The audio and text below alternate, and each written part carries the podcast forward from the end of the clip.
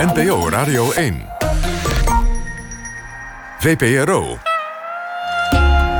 Nooit meer slapen.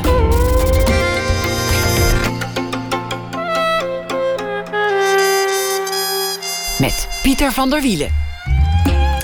Goedenacht en welkom bij Nooit meer slapen. Mijn gast komend uur die bestormde podia en festivals als jong dichteres.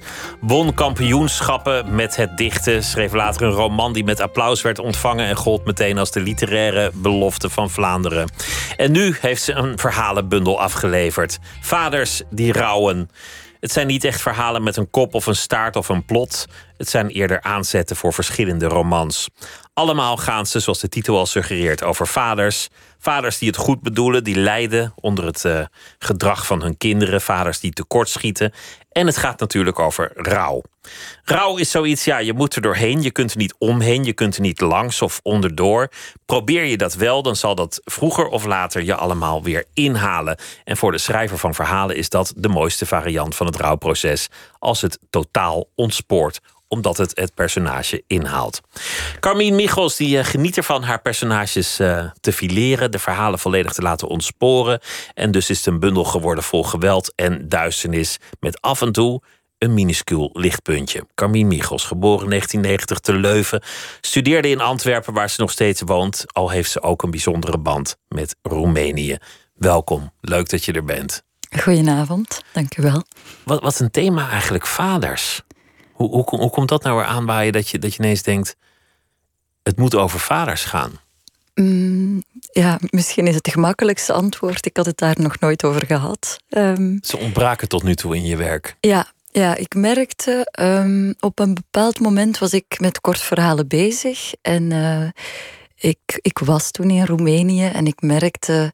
Um, na een gesprek met een vader en een dochter, die samen in de revolutie van Timișoara hadden um, ja, betoogd. De vader een jaar of dertig, de dochter drie jaar op zijn schouders. Um, na dat gesprek dacht ik: wow, die vader-dochterband die kende ik nog niet. En ja, toen begon ik na te denken over vaders in mijn werk. Toen dacht je, wat is eigenlijk een vader? Wat is eigenlijk een vader-dochterband? En hoe ging dat verhaal verder? Want die, die revolutie die je noemde, dat was het moment dat Ceausescu werd, werd afgezet. Ja, inderdaad. We ehm, weten hoe dat is afgelopen. Niet fraai voor Ceausescu. Maar hoe is het dan verder gegaan met die, met die, met die vader-dochterband? Ja, dertig jaar later um, werkte de dochter in een boekwinkel, maar was zij eigenlijk veel feller dan haar vader tegen de corruptie. Ging zij nog heel vaak betogen of met referenda uh, meedoen, terwijl haar vader uh, best tevreden was en dacht, ja, het is wel beter dan vroeger. Um, dus hij begon als de grote rebel met zijn dochter op de schouders. Ja. En nu was zij de rebel en, en was hij de behoudende kracht die het allemaal wel ja. aanzag. En, en ze maakte echt ruzie in het Roemeens. Ik kon het maar half volgen over um, politieke kwesties, maar je voelde de warme band tussen hen twee. Um, en, en het was op dat moment ook dat ik te weten kwam dat mijn grootvader op sterven lag. En dat ja, bracht allerlei teweeg bij mij. Dus, dus je zat ook in een rouwproces? Uh, ja, toch direct daarna. Um, het was de vader van mijn moeder. En misschien ja, voor de luisteraars, uh, dat, is een, uh, dat was een man die um, heel zwaar gehandicapt was door een ongeluk. Al dertig jaar uh, ontzettend ja, invalide, hij had af, afasie. Um, waardoor onze communicatie vooral non-verbaal was. En waardoor ik wel op jonge leeftijd ook echt heb geleerd om um, achter de ogen, achter de glimlach van iemand te kijken en ook wel verdriet te voelen. Want afasie, dat is iets, uh, hersenschade die uiteindelijk de spraak aantast. Ja, ja dat klopt. Ja, en, soms is het dat, dat woorden, spreken, maar... woorden niet meer corresponderen met gedachten. Ja. Je wilt tafel zeggen en uit je mond komt een ander woord.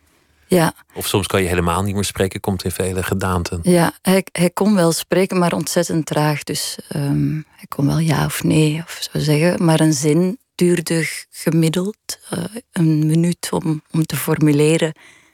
Um, en met moeite.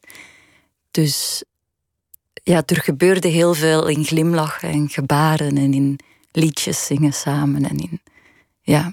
Wat je zei, ik heb geleerd achter de ogen te kijken. Ja. Om, om, om, de, om de echte gedachte die niet is uitgesproken ook te zien. Ja. ja, ik denk dat ik dat wel van hem heb geleerd. Enerzijds deed hij altijd, was hij opgewekt, deed hij altijd zijn best om, om ontzettend. Um, ja, hij was een warm persoonlijk, heel, uh, ja, persoonlijkheid, heel oprecht. Um, en anderzijds voelde ik ook wel al vroeg het, het, um, de onmacht of zo. Of het niet kunnen ten volle vader of grootvader of echtgenoot zijn. Omdat hij 90% invalide was. Dus ook op andere vlakken het heel moeilijk had. Dus hij had het idee dat hij tekortschoot ook in het vaderschap? Ja, daar hebben we het niet zo expliciet over gehad. Maar uh, ja, ik, ik denk dat dat wel uh, mee onze familie heeft gevormd. En, en ook wel een gevoel van. Uh, bij mij heeft gevormd van het leven is wel ja, een, een, dobbelsteen. Je weet niet wat het morgen brengt. En, je weet niet wat het lotje gaat brengen. Ja. Het lot is willekeurig. Ja. En het lot is niet altijd aardig. Nee, maar ook als het zo onaardig is als voor hem, dan nog kan er een veerkracht zijn. Dus dat vond ik dan weer ja, altijd schoon bij hem. Ja, daar heb ik veel van geleerd. Dat, dat zijn allemaal thema's die in, in, in die verhalen terugkeren ook. Mensen die, die het noodlot wacht, die, die een ongeluk krijgen of, of iets oplopen. Of dat het gewoon anders loopt dan ze wilden. Die hun dromen ja, moeten, moeten uitzwaaien. Dat, dat soort dingen. Dat, dat, komt, dat komt eigenlijk in veel van die verhalen ja. terug. En het zijn steeds vaders die tekortschieten, op wat voor manier dan ook. Soms juist door het goede te willen doen, door de perfecte vader te willen zijn of trouw te willen blijven aan het kind. Ja. Schieten, schieten ze tekort of richten zichzelf ten gronde.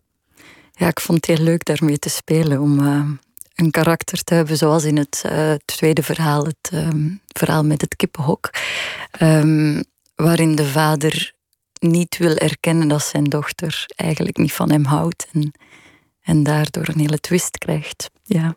Die, die vader wordt uit zijn eigen leven verdreven door een, een dochter die bij hem in komt wonen en hem als een soort slaaf behandelt. Ja. En hij laat het zich wel gevallen en, en wordt ja. langzaam maar zeker verbannen naar, naar, naar het kippenhok uiteindelijk. Het is een spoiler. Maar... Ja, en, en toch zit er naar het einde toe, uh, of dat heb ik er tenminste in proberen te steken, zit het erin dat, die, um, ja, dat je je afvraagt van wat heeft hij voor ons verzwijgen? Wat is er gebeurd?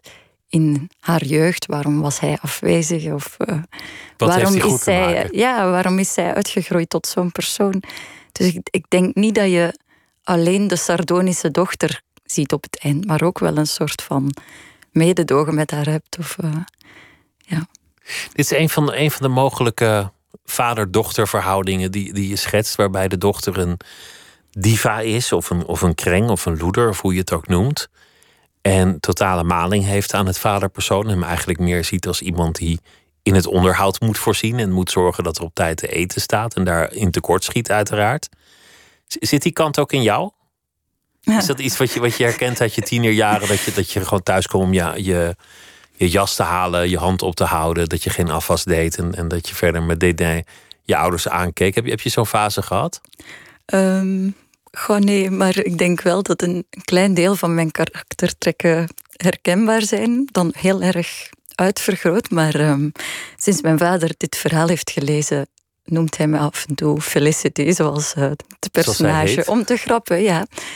Um, maar ja, iedereen heeft wel bepaalde diva-trekken, denk ik. Of ja, nee, ja, er zijn. Um, er is wel een kantje van mij waarvan ik dacht, oh, daar wil ik wel uh, in overdrijven en misschien daar echt mee uh, ja, aan de haal gaan en mezelf ook wel echt uh, ja, niet onderuit halen, maar ja, al mijn kleine kantjes vind ik op zich ook wel grappig om, die dus om daar iets is, mee te doen. Eigenlijk, ja. eigenlijk kijk je in, in, in de meer duistere hoeken van je eigen karakter en dan vergroot je dat uit.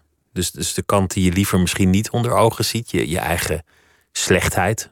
Ja. En, en die vergroot je dan uit en dan maak je een apart personage van die, die dat ten volste laat vieren. Maar eh, het zijn niet allemaal alter ego's van mij hoor. Nee, het zijn ook wel gewoon mensen die ik herken in de maatschappij of, of die ik in andere verhalen al heb gelezen. Dus deze Felicity is ook een beetje gebaseerd op een personage van Roald Dahl. Ehm, ja, prinses Ovaria. Ehm, een, een, prinses die haar het liefst van al haar vader vermoordt met mosselen. Omdat ze zelf uh, aan de macht wil en het niet aan kan dat haar vader haar niet aanbidt. Um, ja, ik heb altijd gehouden van die verhalen van Roald Dahl. Dus het is ook een beetje daarop voortbouwend. Gevoed met dan mijn eigen uh, vegetariërschap of uh, zulke dingen waar ik dan even mee ga, ga lachen in dat verhaal. Ja. Is dat ook de reden dat je vader je een diva vindt, omdat je vegetariër bent? Is het zo simpel? Oh nee, oh, mijn vader vindt mij doorgaans geen diva hoor. Omdat dat, dat Felicity noemde voor de grap. Ja, dacht, dat, dat, dat, zal dan wel dat vegetariërschap zijn. Nee, nee, zeker niet. Nee, nee dat is meer als ik uh, een, buitje heb. Oh ja, nou, we hebben allemaal wel eens een, ja. een buitje. Ja. Hoe, hoe, hoe, is, hoe is jouw vader eigenlijk? Uh, zeer aardig. Oh, moet ik uh, over mijn vader gaan vertellen? Ja, bij zo'n uh, boek hoort dat dan.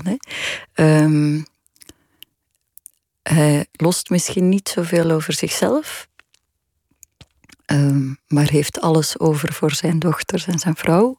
Dus uh, ja, toont heel veel in daden en is altijd, staat altijd klaar voor een gesprek.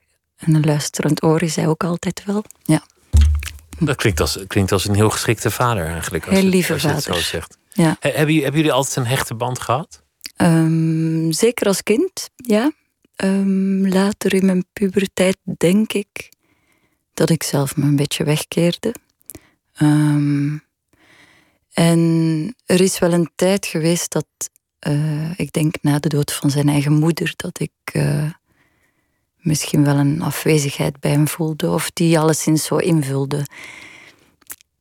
Ik was als, als uh, kind en tiener ging ik altijd wel uh, in plaats. Ik ging veel vragen stellen, maar soms als ik iets delicaat voelde, ging ik er vaak uh, zelf verhalen bij, bij verzinnen. En dat was niet altijd even in stroomlijn met, met de werkelijkheid.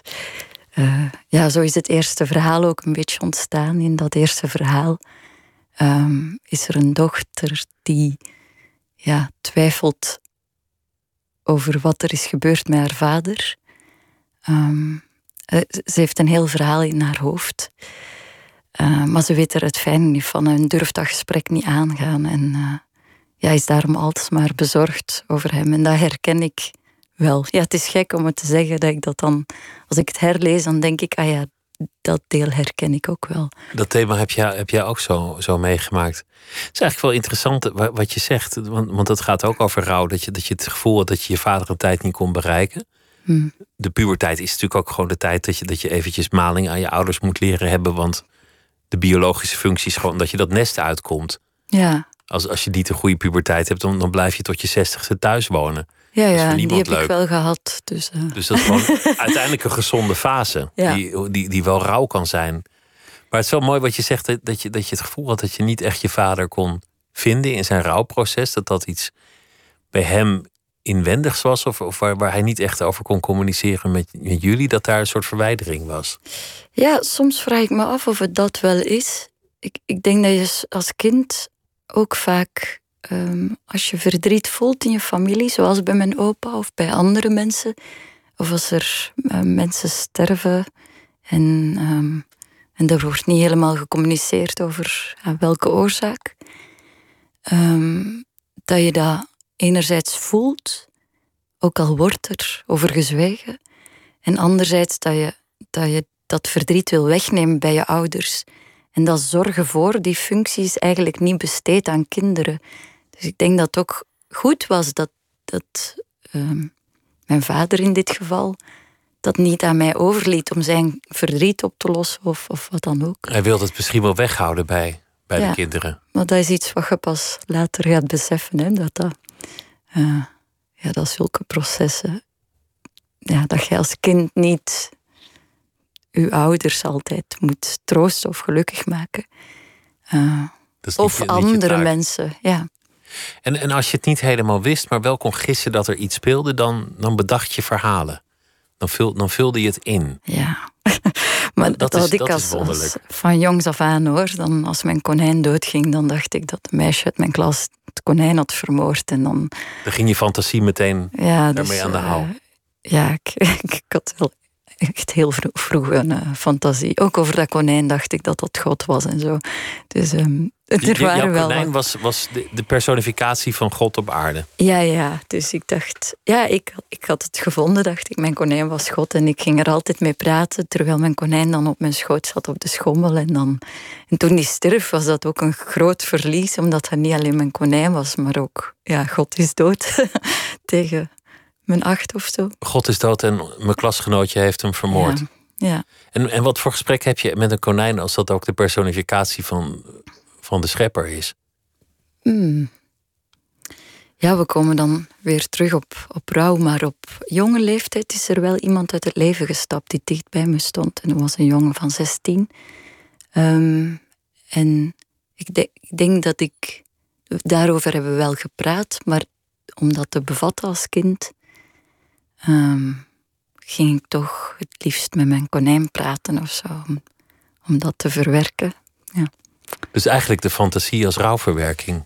Ja, ja zeer zeker. Of ja, als, uh, als bescherming, ja. Was je, wat was je voor kind? Een vrolijk kind, een angstig kind? Een... Uh, ik was altijd vrolijk als ik mensen vrolijk kon maken. Dus ik denk dat ik als kind al direct een clown en entertainer was. Dus uh, dat op mijn één of twee jaar de, mijn ouders uh, naar boven altijd moesten omdat uh, mijn zus aan het schateren was. En dat ik als, als peutertje heel tijd gekke bekken en fratsen aan het uithalen was. En dat zit wel in mij. en anderzijds. Dus ook wel logisch dat je later op het podium terecht kwam. Ja, ik, ik hou er echt van als mensen lachen. Dus ik denk dat mijn boek over rouw tegelijk ook wel heel fijn is om te lezen. Om, ja, dat er stevige stukken in zitten, heel um, ja, uh, zacht, uh, verdrietige stukken dan de harde, perverse stukken, maar dat er ook wel gerust veel humor in zit.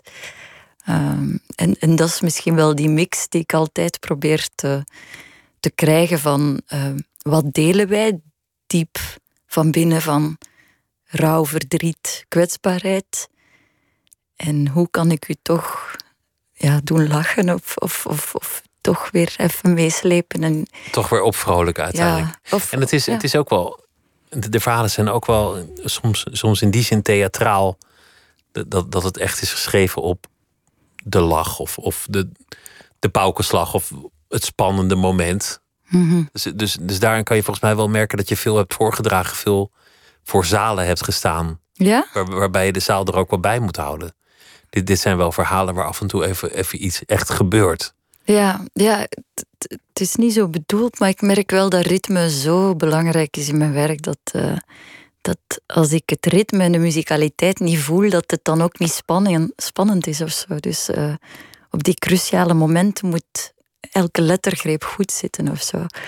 Om, ja, ik merk zelf bij het verhaal over de vrouw die gestalkt wordt, dat bij elke pagina dat mijn hartslag hoger gaat. En dat komt omdat de, de frasering dan ook verandert. En, en haar gedachten angstiger worden. En de, de manier waarop die jongen onder haar huid kruipt dan ook uh, ja, uh, iets, iets doet met de manier waarop ze tegen de, de lezer spreekt.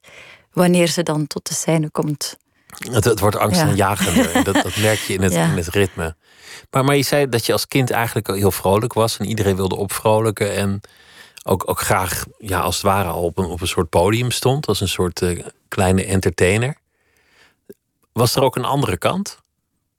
Um, Zat er nog iets achter als je niet in gezelschap was? Ja, ja ik denk wel die, de angst om mensen om mij heen te verliezen. Dat enerzijds. En ook wel um, ja, het is gek om het, om het zo te, cru te zeggen, maar dus het was de tijd in de jaren negentig waarin er veel kinderen verdwenen in België.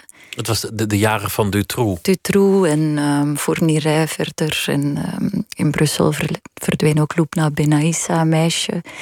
Um, dus het waren meerdere gevallen dan alleen ehm, ja, de slachtoffers van Dutroux. En toen, toen de Witte Marsen en alle verhalen die daar nog uit voortkwamen van ja. complotten die er zouden zijn en netwerken die er zouden bestaan. Ja, maar... Heb jij, heb jij dat als kind allemaal, allemaal bewust meegekregen? Ja, heel erg. Al onze de buurmeisjes en buurjongens werden toch echt, zeker op het moment dat Dutroux ontsnapte en tot het moment dat hij door een boswachter werd aangehouden.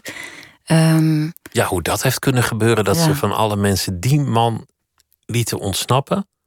Ja, ja dat, daar, daar is daar kan ik nog steeds niet bij. opgeheven. Maar um,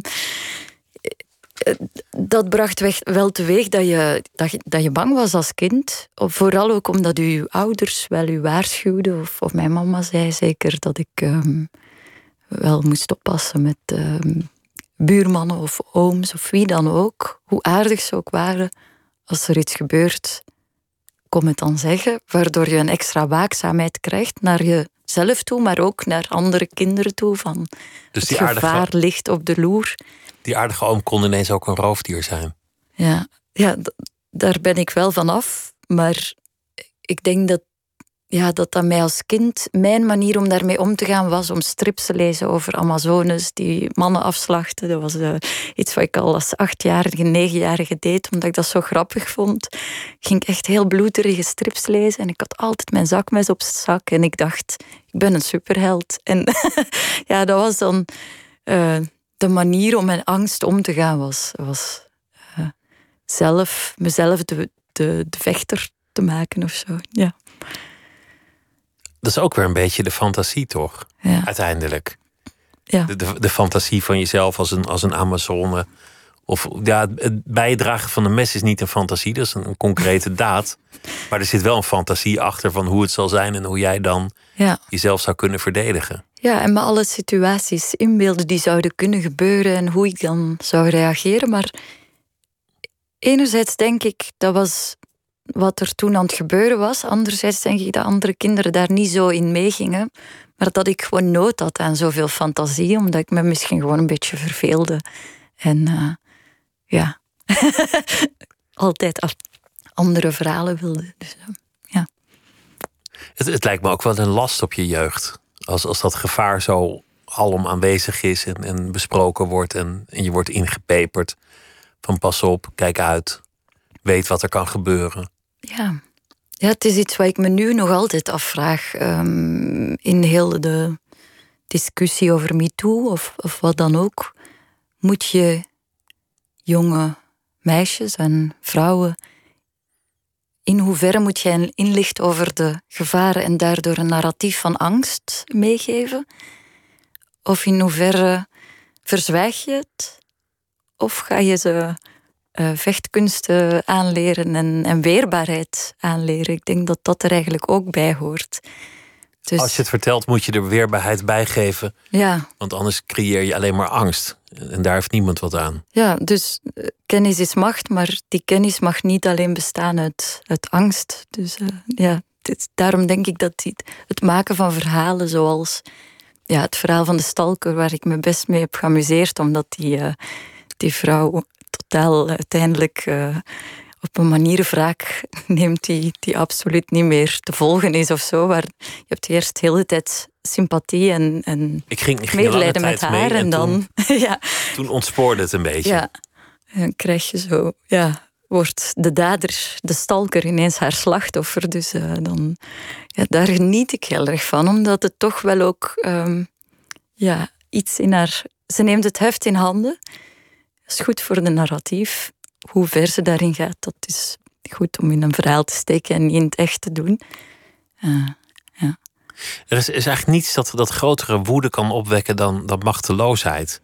Onrecht gecombineerd met machteloosheid. Je, je, je weet dat het, dat het niet eerlijk is en je kunt er niets tegen doen. En dat is de snelste manier om, om, om de meest vreedzame persoon tot, tot grote furie te brengen. En in zo'n verhaal werkt dat ook zo. Stalking is natuurlijk ook ontzettend onrechtvaardig en je kan er bitter weinig tegen doen. En het is angstaanjagend. Ja. Hoe, hoe kwam dat thema eigenlijk bij je? Um, ja, ja, het kwam eigenlijk op een moment dat ik uh, Europees kampioen was uh, van Poetry Slam en dat ik uh, veel aandacht kreeg, maar ook via Facebook van anonieme profielen ineens rare berichten kreeg. Zoals toen ik op het vliegtuig stapte naar Canada om daarop te treden van pas op dat je vliegtuig niet neerstort. En, en het waren valse profielen. Um, en ook al waren dat maar een paar berichten die dan ook alludeerden op mijn dood. um, ja, dat, dat grijpt u wel aan.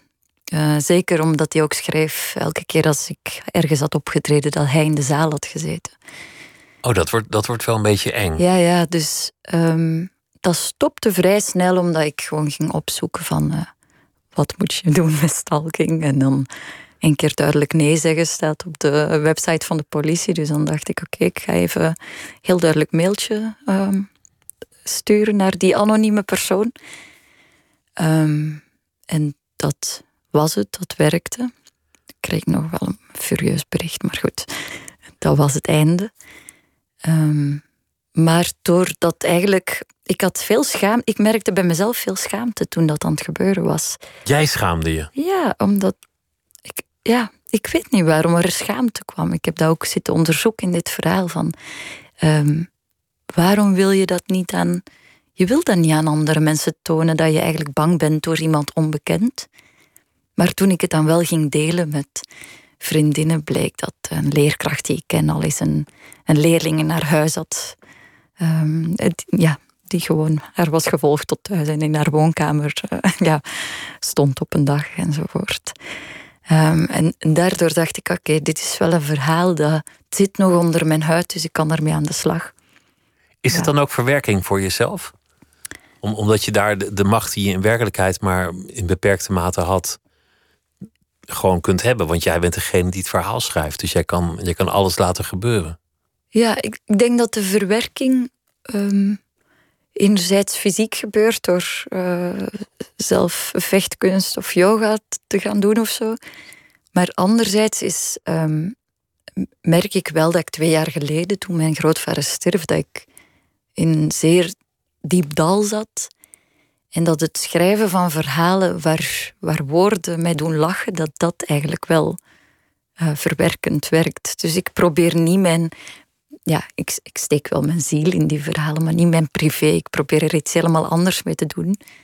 Maar uh, gewoon het feit dat er iets ontstaat, ontstaat op een papier dat dan um, ja, gaat fonkelen en, en, grappig wordt of pervers of wat dan ook. Of geeft spannend me, of, of ja, ontwrichtend. Geeft me zoveel kracht om, om die ja, creatie te zien groeien. Dat het op die manier een verwerking wordt. Dus de taal als, als manier om, ja, om, om weer uzelf te leren kennen. En, en weer verbonden te worden met, ja, met de taal waarin je bent opgegroeid. En de cultuur die die, die taal ja, die, ja, die elk woord van een lading voorziet of zo. Het is een machtig wapen dat je dan in handen hebt als je verhalen kunt schrijven. Ja? Ja, om, om het leven tegemoet te treden. Als het je altijd vreugde kan brengen, als het kan helpen in je, in je rouwprocessen. Ja. Als, je, als je vragen kunt onderzoeken die je bezighouden. Als, je, als je van elk thema de fantasie kunt gebruiken. Ja, er zijn ook veel verhalen die het niet halen hoor. maar uh, het, het, is wel um, op, op een moment dat je voelt dat het verhaal jezelf overstijgt. En dat er iets gebeurt waar je niet meer de, de componist bent die alles heel erg goed uh, plant en zo, maar dat het gewoon dat de muziek uit zichzelf begint te spelen. Ja, dat zijn de momenten. Ja, ben jij dan machtig? Ik weet het niet. Het is wel een machtig moment. Dan heb jij het in gang gezet, maar de kettingreactie die ontstaat, heb je helemaal geen controle meer over. Het verhaal schrijft zichzelf, de personages gaan leven. Ja, en ik denk dat die personages ook wel echt. Ehm, het zijn natuurlijk wel creaties, maar het zijn toch ook. Het worden ook mensen die met mij meelopen en die mij ook wel op de vingers zitten of, of zeggen van deze, deze zin kan niet, past niet. Dus, uh, ja. Zo zou ik dat nooit zeggen, zeggen je personages dan. Ja, of, ja, of, of ja, je, voelt het, je voelt het wel als het schuurt. En dan ja, is er een conflict. Niet per se tussen het personage en mij, maar ja, ehm, ja, je, weet wel dat een, een personage niet zo denkt, dus dat je ook niet ineens jezelf, je ego erin moet gaan steken. Dat je niet ineens moet gaan etaleren welke kennis je hebt over een bepaald thema. Nee, dat personage, ja, dat past er niet bij. Dus uh, er is geen ruimte voor, uh, voor je eigen ego. Ja. Zou, zouden de personages ooit wraak op je komen nemen? oh, dat ze zich tegen de schrijver keren?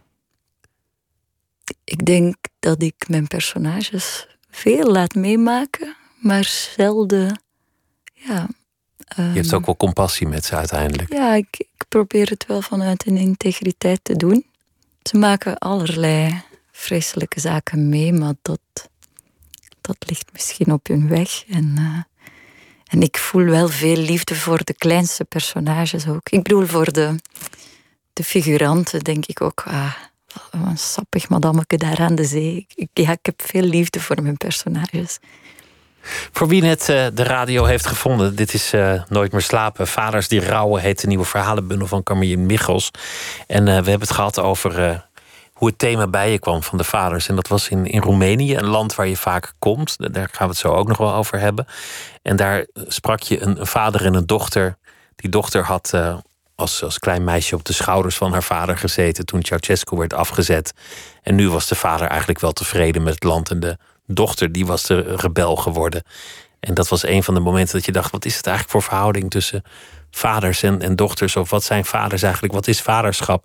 En je zei ook: het ontbrak nog in mijn boek of in mijn werk tot nu toe. Er zaten eigenlijk niet veel vaders in, in ieder geval geen sterke vaders. En toen kwamen we ook te spreken over rouw. En je zei dat je dat doormaakt vanwege je opa, die gehandicapt was, die, die afasie had. En die was overleden, waardoor hij moeilijk kon communiceren.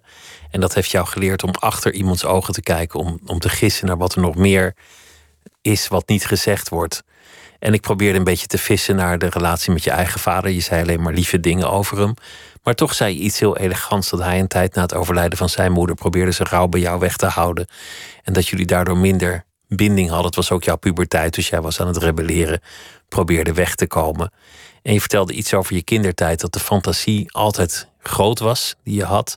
Je konijn, dat was de schepper. Toen die doodging, was die vermoord door een klasgenootje. En als er iets gebeurde in je leven, dan was er altijd de fantasie om er iets van te maken. En jouw jeugd kende, zoals die van veel Vlaamse kinderen vermoed ik, veel angst. Het waren de jaren negentig, Dutroux had toegeslagen. Het hele land was geschokt van zijn daden en voedde de kinderen op met een zekere angst. Pas op, je weet nooit echt wie iemand is. En dat, dat voedde jou als kind heel erg. Maar door de fantasie te gebruiken, gewelddadige strips te lezen, jezelf voor te stellen als een Amazone en een mes te kopen, wist je jezelf weerbaar te maken. En zo kwamen we ook nog te spreken over stalking. Iets dat je zelf in zekere mate hebt meegemaakt, maar wat in een van die verhalen figureert. Verhalen vol fantasie, vol ontsporing, vol geweld ook wel. Het zijn, zijn rauwe verhalen, ruwe verhalen. Maar ook heel elegant. omdat je ook in de psychologie van de mensen duikt en kijkt wat ze, wat ze bezielt. Je zei, ik heb altijd wel compassie met mijn personages. En zij dicteren uiteindelijk wat er gebeurt, niet ik, de schrijver. Ik kan niet mijn kennis etaleren, want dat staat het personage simpelweg niet toe. Want wanneer ging je schrijven eigenlijk? Wanneer, wanneer kwam dat bij je?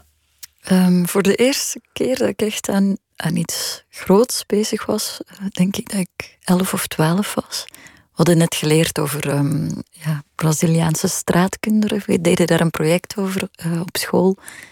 Um, en ik herinner me dat ik het zo fascinerend vond dat, vond dat er um, een verslaving was onder die kinderen van lijm te snuiven. Dus daar ging ik dan een heel boek over schrijven. ja, met de pen op papier. Hoe oud was je toen? Uh, elf jaar. Elf jaar? Ja, je al meteen een heel boek? Ja, ik schreef, ja, een heel boek. Ik weet, ik weet nog dat ik heel veel pagina's had. En dat ik altijd tijdens de speeltijden doorschreef. En dat de klasgenootjes gingen spelen. Stukje kwamen lezen als het uh, weer was geschreven. En dan weer gingen spelen. En uh, dat er zo wel iets voor het eerst ontstond. Tijdens mijn puberteit dan totaal um, gepubert. veel te weinig gelezen, veel te weinig ja, geschreven, veel te veel gedronken. En pas tegen mijn 18 weer um, ja, dat heropgepikt. En toen ging je echt schrijven? Uh, goh, echt, ja. Ja, ik zat op um, de opleiding woordkunst. We kregen daar elke week les van Bart Moejaert. En daar leerden we om um, tegen de volgende maandag steeds een nieuw verhaal in te leveren. Hoe slecht het ook was of hoe, ja, hoe weinig je er ook aan had gewerkt. Dus dat was leren omgaan met een, een falende pen, met niet uh, ja, elke keer niet, niet, kunnen wachten tot je iets, iets goeds hebt. Um, ik, dat lijkt me wel feestles van, van Bart Moejaert. Ja, dat waren wel uh, zeer leerrijke lessen en ook heel fijne opdrachten. Ja, ik, ik weet nog, de allereerste opdracht was dat hij uh, briefpapier en kaartjes mee had uit uh, alle hotels waar hij in de wereld was geweest. En dat we hem gewoon een brief moesten schrijven. En dat mijn brief heel brutaal was. Ik had geschreven: Hoi, ouwe rakker. en dat dat direct ook binnenkwam. Dus um, ja, ik had een brief vanuit zijn zus. Ja, ik was aan zijn zus zo gezegd uh, geschreven. Um, ja, waren fijne lessen. Heel veel geleerd. Ook, ook strenge lessen. Um, en vooral ook uh, in die drie jaren gemerkt dat, dat ik echt ook heel veel uh, slechte dingen, lelijke dingen kon schrijven. Of zeker als ik te weinig moeite deed. Dus het is pas echt beginnen jeuk toen ik merkte van dit lukt me maar niet. Uh, ik moet hier harder aan werken. Ik kan het niet met twee vingers in mijn neus uh, ja, gewoon voor elkaar krijgen zoals alle andere dingen tot nu toe. Ja. Hoe heeft het jou veranderd dat je bent gaan schrijven? Um, ik denk dat dat, uh, dat entertainende waar ik daar straks over vertelde, van bezig zijn met de mensen om je heen, dat je daar uh, daardoor heel vaak naar buiten bent gericht, of ik in ieder geval, in interactie met anderen, gericht op de emoties van anderen. Um, en door te schrijven heb ik meer mijn eigen rijkdom beginnen ontdekken. Ja, ik denk dat dat bij iedereen is die een dagboek bijhoudt of of lange ritten rijdt misschien, of tegen zichzelf praat thuis, of uh, iedereen die een beetje de eenzaamheid in zichzelf omarmt, dat, dat, dat je toch een beter evenwicht tussen binnen en buiten vindt. Dat je jezelf beter leert kennen en verkennen. Ja, en ook wel. Um, ik ben altijd gefascineerd door de, de systemen in relaties. Uh, tussen andere mensen. Dus ik uh, vond het ook wel leuk om, om te kijken hoe pionnen verschoven. Dus als die dat zou zeggen, wanneer wordt het dan ontvlambaar en wanneer komt er ruzie om zulke dingen te gaan voorspellen. Maar dat was toch ook altijd een beetje als een buitenstaander. Uh, en als je schrijft, ja, je bent als schrijver de buitenstaander, maar op een moment, zoals bij het laatste verhaal, waarbij die vader zijn eigen dochter verliest. Uh, ik heb heel lang vermeden om de dood van die dochter effectief aan, aan te gaan. Dus ik heb heel veel uh, scènes waarmee ik me amuseerde, zoals de stalscène of wat dan ook, uh, uitgeschreven. Maar toen ik dan in de laatste weken, voor ik mijn boek inleverde, er toch aan moest beginnen, ja, dan zijt je niet meer de, de manipulator of de buitenstaander. Dan, ja, dan moet je kijken naar wat er pijn doet in jezelf. En, en ja, dat vind ik wel uh, schoon aan schrijven, moeilijk aan schrijven, maar ook wel heel krachtig. Dat, je, dat, dat was echt emotioneel voor jou om, om dat te schrijven. Om, om, om de fictieve dood van een fictieve dochter op te schrijven. Dat, ja. dat, was, dat was voor jou toch heel zwaar om dat op papier te krijgen. Om dat, om dat ja, om, te omdat vinden. er echte waarlijke empathie voor nodig is. En niet alleen taal, of niet alleen kunst, of niet alleen humor, maar. Dus dan wordt het een beetje waarheid zelfs. Ja, of, ja, of iets wat, wat ik echt voel, waardoor ik denk dat jij het ook voelt als lezer. Ja. Uh, ja, ik heb echt heel. Ik, bij de, de scènes die, die dus um, ja, intiemer zijn of, of zulke dicht op de huid zitten, ja, ben ik altijd aan het wenen als ik aan het schrijven ben. Of, uh, ja. Als je er nu aan denkt, dan, dan is het zelfs al emotioneel voor je, volgens mij. Ja, valt mee. Een beetje. ja. Je, je, je houdt ervan om dingen te laten ontwrichten. Is dat eigenlijk ook een, een opvatting over het bestaan? Dat, dat, dat je de boel moet laten ontwrichten? Dat, dat je niet moet kiezen voor het gereguleerde of voor het rechte pad, maar dat het gewoon leuker is om er af en toe een bende van te maken? Hmm. Hmm. Nee, ik, denk nu aan een, een, verhaal dat mijn mama heeft verteld. Zij werkte met palliatieve um, mensen. Um, dus ja, eigenlijk ook met mensen die aan het sterven waren. Ze vertelde het verhaal van als een oude vrouw die alles op rijtje heeft, alles in orde. Als, uh, als opeens die haar kanarievogel sterft, dan kan alles als een kaartenhuisje ineen, ineenvallen. Dus kan ineens de ja, dementie toeslaan of de, de, de, de, de, waanzin komen. De dood van een vogel kan, kan het leven ontwrichten. Ja, kan die. Ja. En ik denk dat wij dat nu ook allemaal voelen met uh, de COVID-crisis. Uh, ja, dat dat bij sommige mensen echt werkt als alle zekerheden die er waren, zijn ineens worden weggevaagd. Terwijl de mensen die al meer um, op de hoogte waren van het feit dat veel zekerheden opgebouwde fictie is. Zoals dat maandag maandag is, is een, is een afspraak, maar ja, is toch ook weer fictie. Um, want, want in de jungle is het niet maandag. Ja, of, of, of dinsdag uh, of wat dan ook. Ja.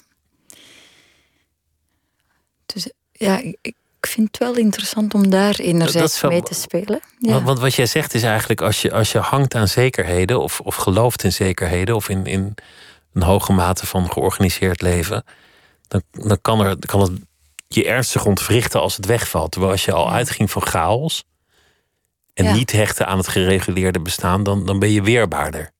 Ja. Dan zal het je niet zo overvallen wanneer alles ten onder gaat. Je baan, je huis, je relatie, je auto, ja, je verzekering, je gasrekening, alles. Ja, klopt. Zo zie ik meer vrienden die al uit een survival mode komen, die een moeilijke thuissituatie hadden, die opnieuw in die survival mode komen. Het is niet gezond voor hen toen met de eerste lockdown, maar ze, ze, ze kennen het. Dus het is ook weer een toestand waarbij ze best goed ageren ten opzichte van anderen die een zeer ja, vloeiender leven hadden. En ja, daar, waarvan ik schrik van wow, jullie waren zo veerkrachtig en opgewekt en nu is er iets gebeurd door die, door die crisis. Um, ja, dus dat vind ik interessant om te bekijken enerzijds. Anderzijds bij personages vind ik het gewoon uh, heel fijn om te spelen met... Uh, als je als lezer mee bent met een personage, om dat dan helemaal om te keren om dat te gaan twisten. Maar dat is, dat is gewoon omdat het dan een mooi verhaal wordt. Hoe, hoe, hoe kun je dat eigenlijk voor jezelf bewerkstelligen dat je niet te veel hecht aan het georganiseerde? Dus dat je de chaos al inbouwt in je, in je bestaan. Zodat je ook veerkrachtiger bent. Hoe, hoe kan je eigenlijk, zonder dat het zelfsabotage wordt of dat je niks meer aangaat, of dat je denkt, nou, ik, ik huur geen huis, want dan word ik er ook niet uitgeschopt. Dat, dat lijkt me geen productieve houding. Nee. Maar, maar hoe, hoe kun je dat eigenlijk doen? De chaos omarmen?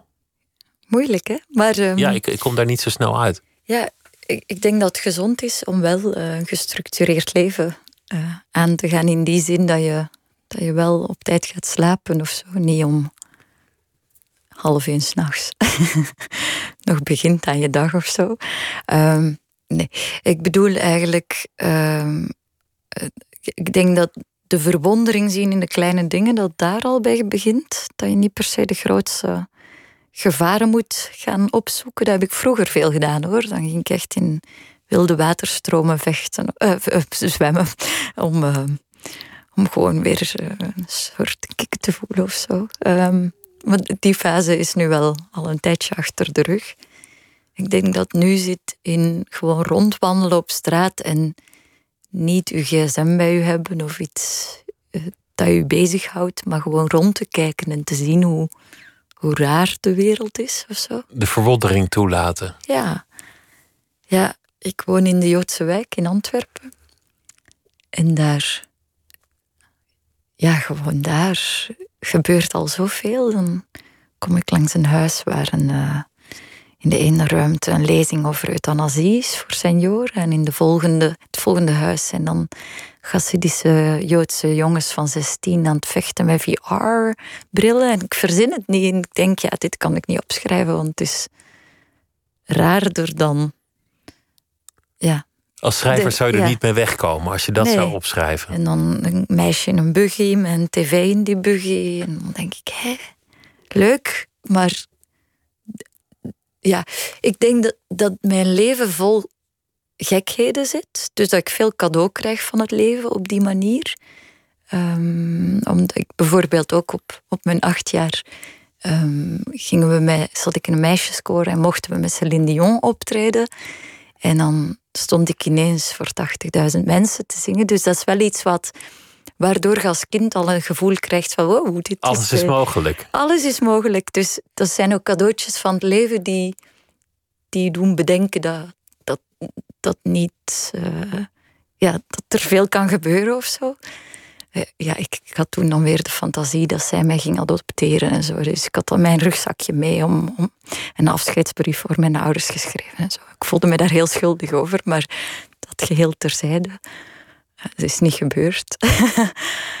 um, maar zulke cadeaus blijven wel komen als je een blik hebt die open blijft, denk want, want ik. Het dus als je veel gaat toch... wandelen in een park en gewoon gaat kijken naar mensen. En... Dan, dan zie je genoeg, want het ja. leven is gewoon absurd in essentie. Ja.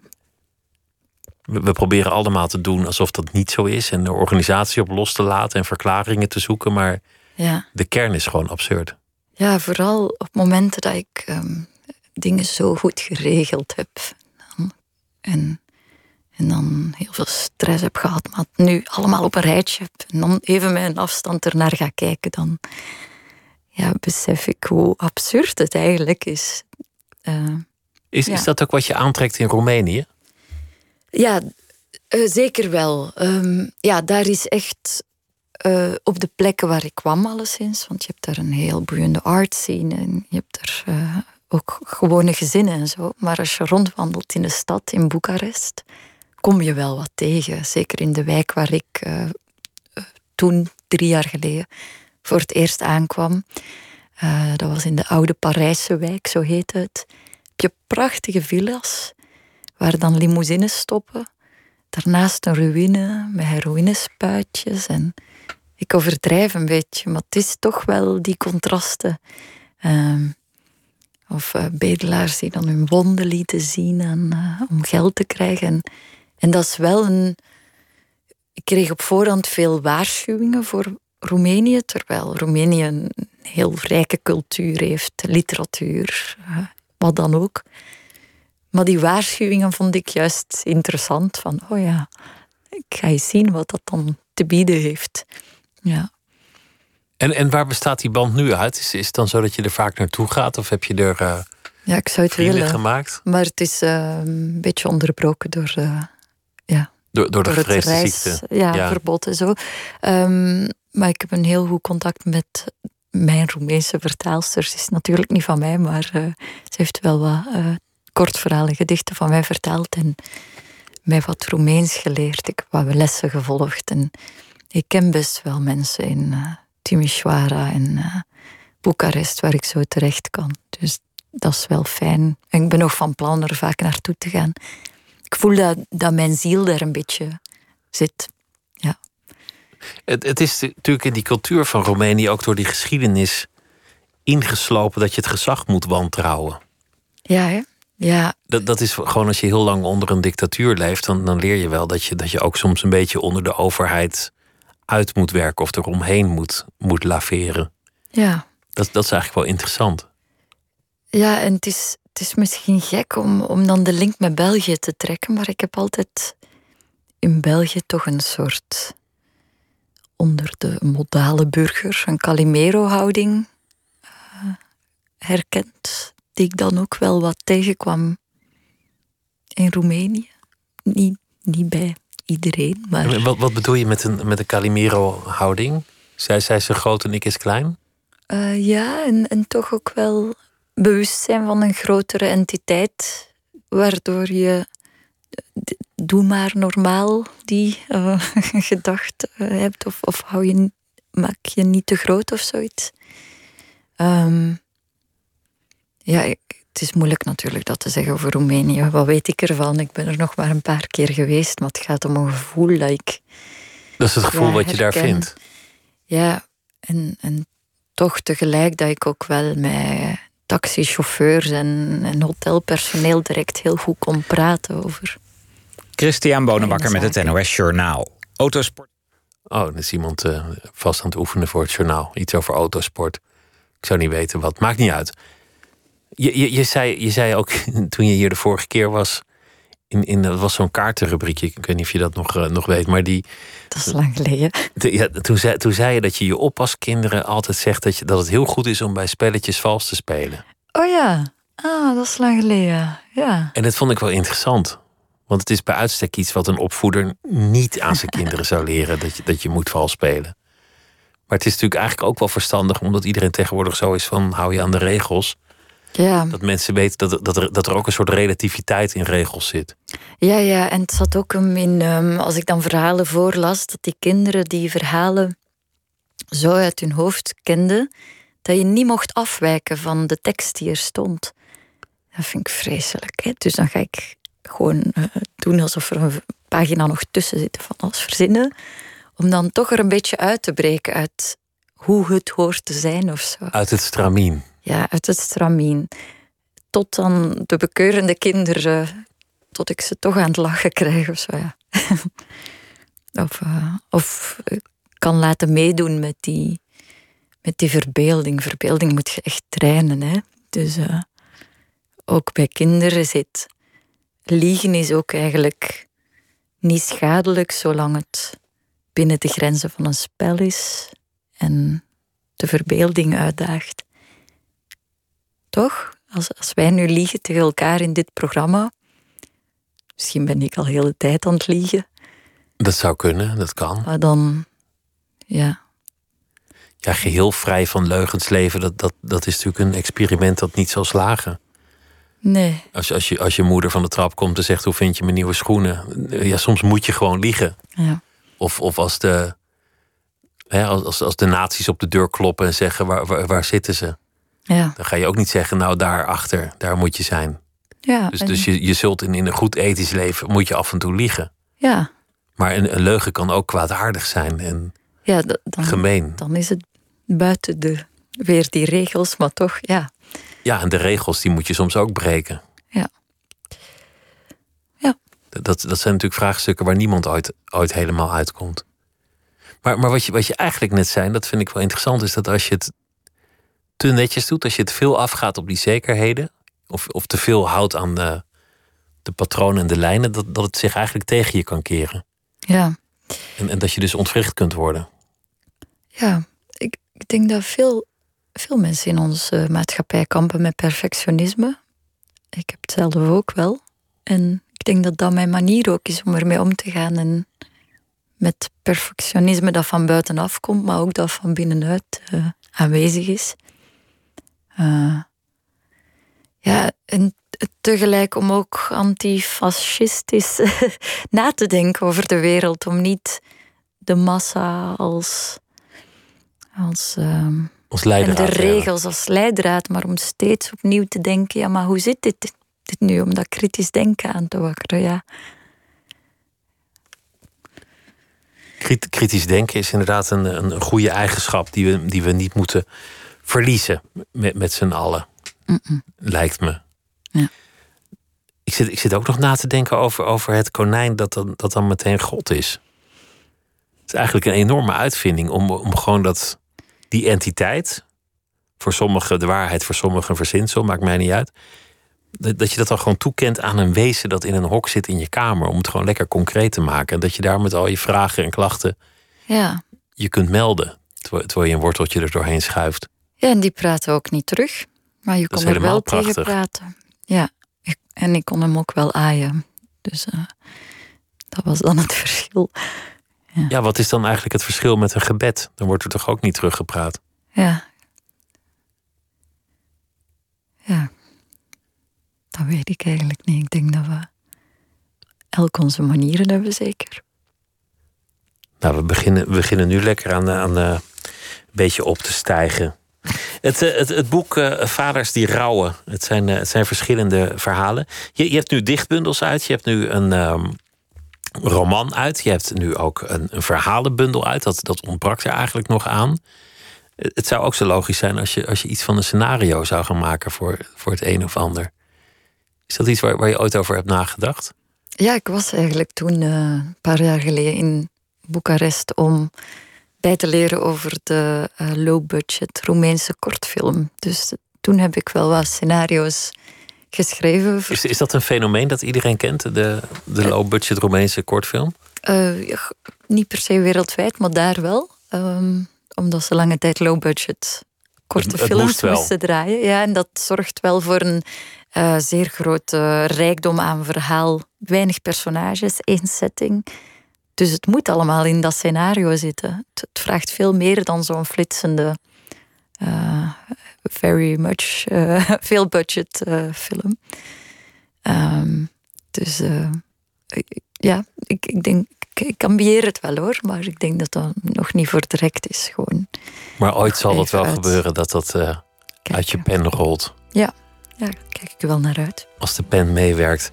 Dankjewel dat je te gast wilde zijn, eh Carmien Michels. Het eh, boek heet Vaders die rouwen. Met eh, zes rauwe, ruwe verhalen. En dit was Nooit meer slapen voor deze nacht. Zometeen kunt u luisteren naar Miss Podcast Milou Brandt. Ik zag er volgens mij al lopen. Die gaat praten met DJ Herman Hofman. En morgen in Nooit meer slapen is Claudia Jongstra te gast. Wereldberoemd vanwege haar eh, wolkunst. Die ze allemaal vanuit eh, Friesland creëert op ambachtelijke wijze. En eh, ze heeft een fotoboek uit.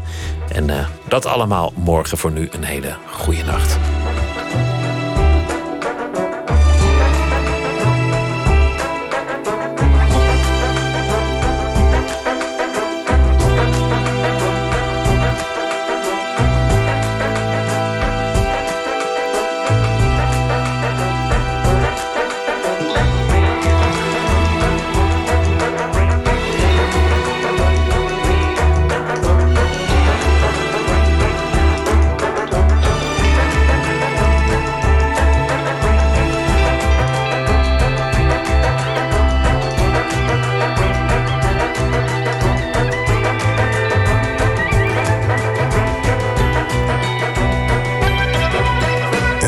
Radio 1. Wie luistert, weet meer. NPO Radio 1.